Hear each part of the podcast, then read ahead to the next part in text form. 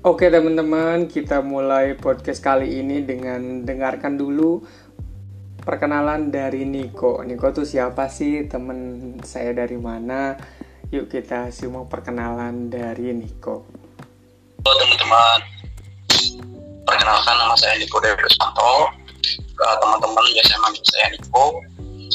Uh, saya kuliah di Universitas Brawijaya ya, jurusan Administrasi Publik uh, saya seangkatan sama Fajar ya sama-sama aktif di Pramuka sama kayak Fajar ya dulu kenal Fajar juga di kegiatan Pramuka juga.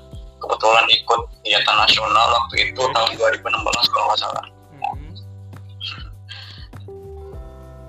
Nah, saya penasaran nih bro, awal mula ente bisa pergi ke Semeru dan memutuskan untuk kenapa sih memilih Gunung Semeru?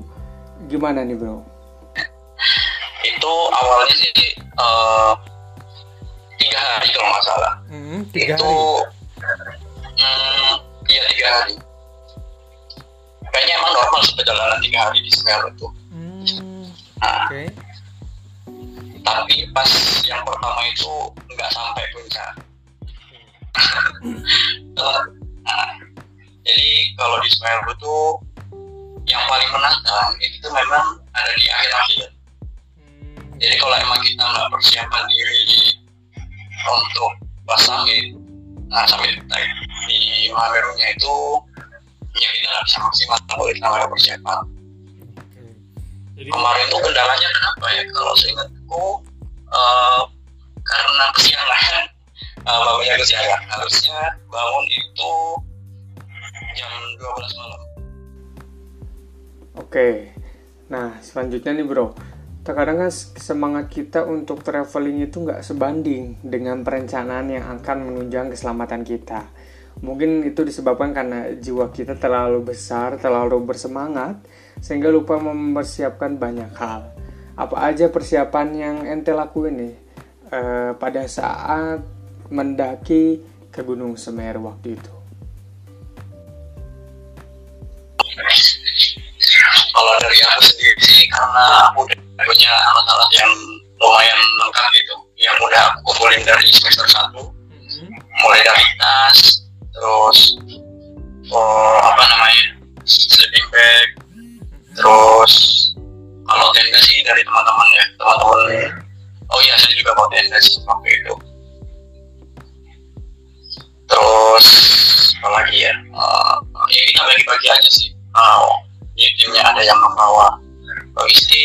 ada yang bawa alat-alat berat kayak tenda alat masak kayak gitu gitu oke okay.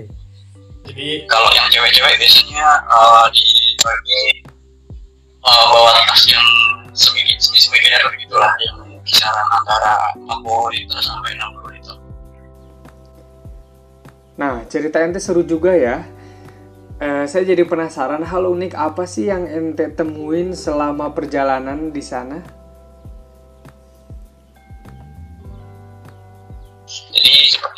Sudah diketahui banyak orang yaitu ya di Ranah Pemolonya itu.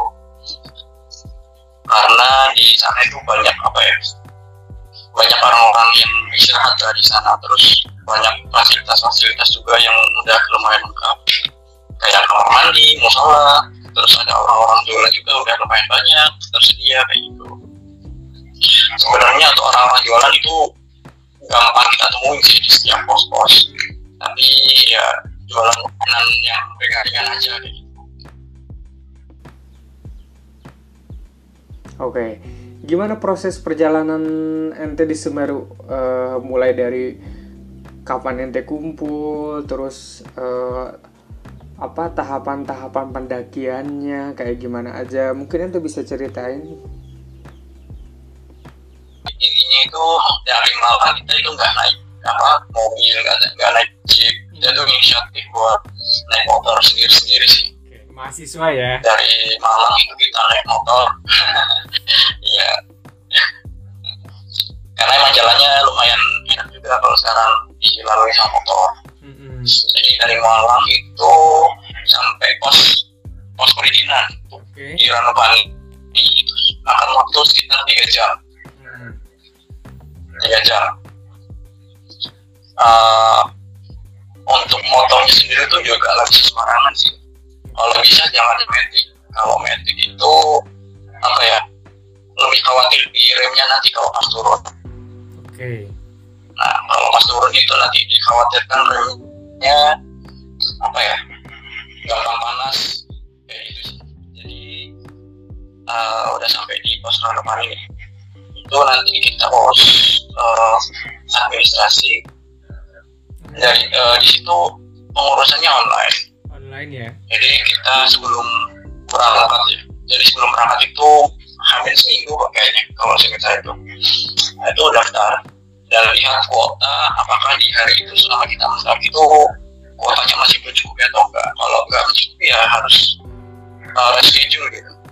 Hmm, iya, iya, iya. jadi uh, hampir seminggu itu kita mau dulu kalau dari teman-teman peserta mendaki itu udah selamat semua oke kita nanti tanggal itu. Lalu um, lalu untuk pembayarannya itu bisa transfer. Transfer lewat ATM itu yang ngurusin teman saya sih kayak uh, dari ketua ketua kelompok yang ngurusin. Jadi yang harus disiapkan itu ya KTP sama si formulir kayak gitu gitu sama keterangan keterangan sehat. Itu yang paling penting soalnya. Keterangan sehat. Nah terus ketika hari H itu dibawa semua perangkat apa administrasi yang udah disiapkan dibawa semua disiapkan kalau udah nanti uh, diarahkan untuk mengikuti briefing jadi setiap pendaki yang ingin mendaki Semeru itu wajib uh, ikut yang namanya briefing. Hmm, jadi karena uh, Semeru ini apa ya? Atau sosialisasi singkat sebelum mendaki gitu ya? Nah, sosialisasi. Itu dari Iya, sosialisasi. Dari ke sosialisasi. Dari pengelola. Oke. Dari pengelola itu ya nanti dikumpulin dalam satu ruangan gitu uh, di briefing nanti uh, perjalanannya gimana apa aja yang harus disiapkan apa aja yang harus dihindari gitu itu makan waktu sekitar setengah jam sih hmm, hmm, hmm, nah kalau udah kalau udah ikut briefing nanti dapat stempel nah stempel itu nanti dikasih ke uh, pos. Itu masuk lah kayak gitu okay. buat uh, bukti kalau udah ikut briefing kalau udah baru bisa ini baru bisa naik. Itu sih. Kita sarapan terus ya kita langsung menuju pintu masuk. Ya kita foto-foto dulu di pintu masuknya itu terus ya kita lanjut ke pos satu langsung sih pos satu itu kalau nggak salah makan waktu sekitar satu jam mungkin ya saya nggak lupa sih hmm, hmm yang saya ingat itu dari pos Ranupani sampai Ranukumbolo itu makan waktu sekitar 3 sampai 4 jam. Oke. Itu. Jadi ada berapa pos? Dan dari pos Ranupani sampai Ranupani itu ada sekitar tiga pos kalau salah. Mm -hmm. Pos satu, pos dua, pos tiga, baru setelah itu di Ranupani. Eh, Ranukumbolo. Oke, kalau kondisi alam dan masyarakat di sana, menurut ente gimana?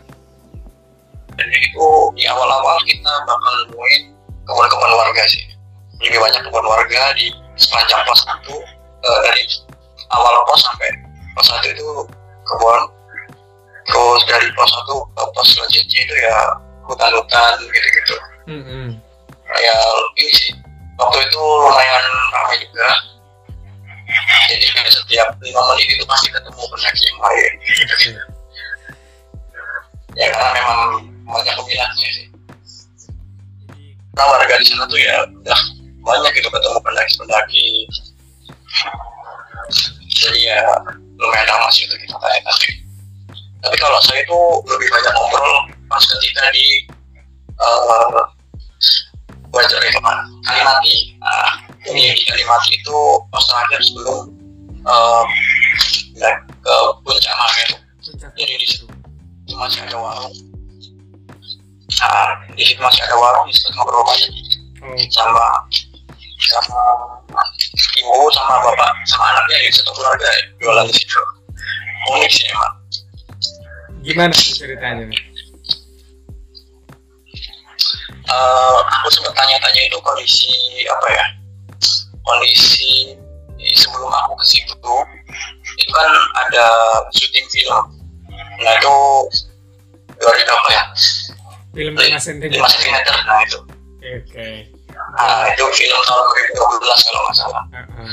nah diceritain pada saat itu ya kayak lokasi dan situ sempat buat juga ya kayak helikopter helikopter itu banyak buat takut takut para oke jadi makin ramai juga. Terus ya sempat ngeluh juga sih terkait kondisi alam sebelumnya sudah. Kalau sebelum kan apa ya yang paling dikeluhkan itu sampah masalah sampah. Mm-mm. jadi setelah eh, setelah ada syuting itu kayak akibat apa dampaknya itu semakin banyak pengunjung tapi pengunjungnya itu kayak kesadaran kesadaran dirinya kurang. kesadaran terkait sampah itu masih kurang banget. Mungkin itu kenapa sekarang ada peraturan di mana kalau misalnya pendaki itu harus bawa sampahnya balik. Hmm. oke. Jadi pas di pas registrasi itu nanti isi isi list apa aja yang dibawa yang sekiranya berpotensi itu menimbulkan sampah itu didata semuanya.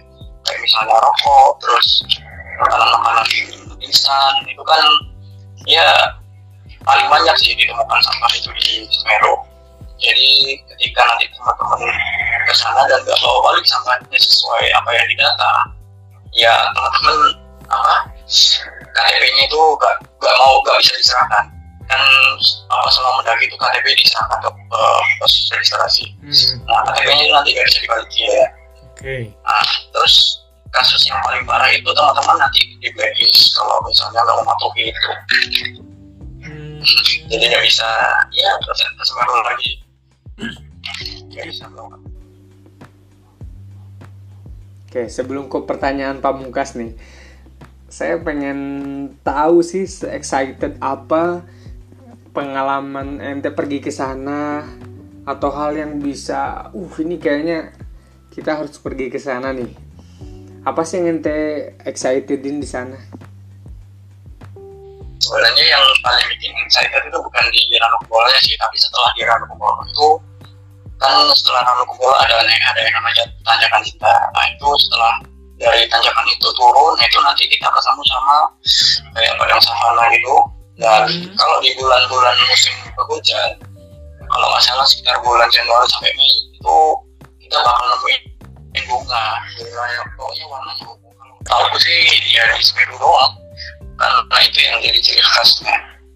Luar biasa. Kalau misalnya kita ke sana pas bulan kemarau ya ya nggak bisa nemu itu sih. Iya, nggak bisa menikmatin itu ya.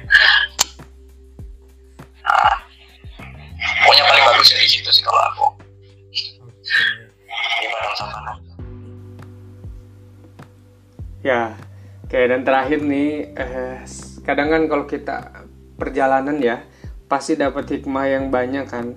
Entah apa aja hikmahnya, yang jelas ketika kita selesai perjalanan, kita bisa dapetin satu makna dan jadi pembelajaran buat hidup. Nah, hikmah selama perjalanan ke Semeru eh, yang ente dapetin apa nih bro?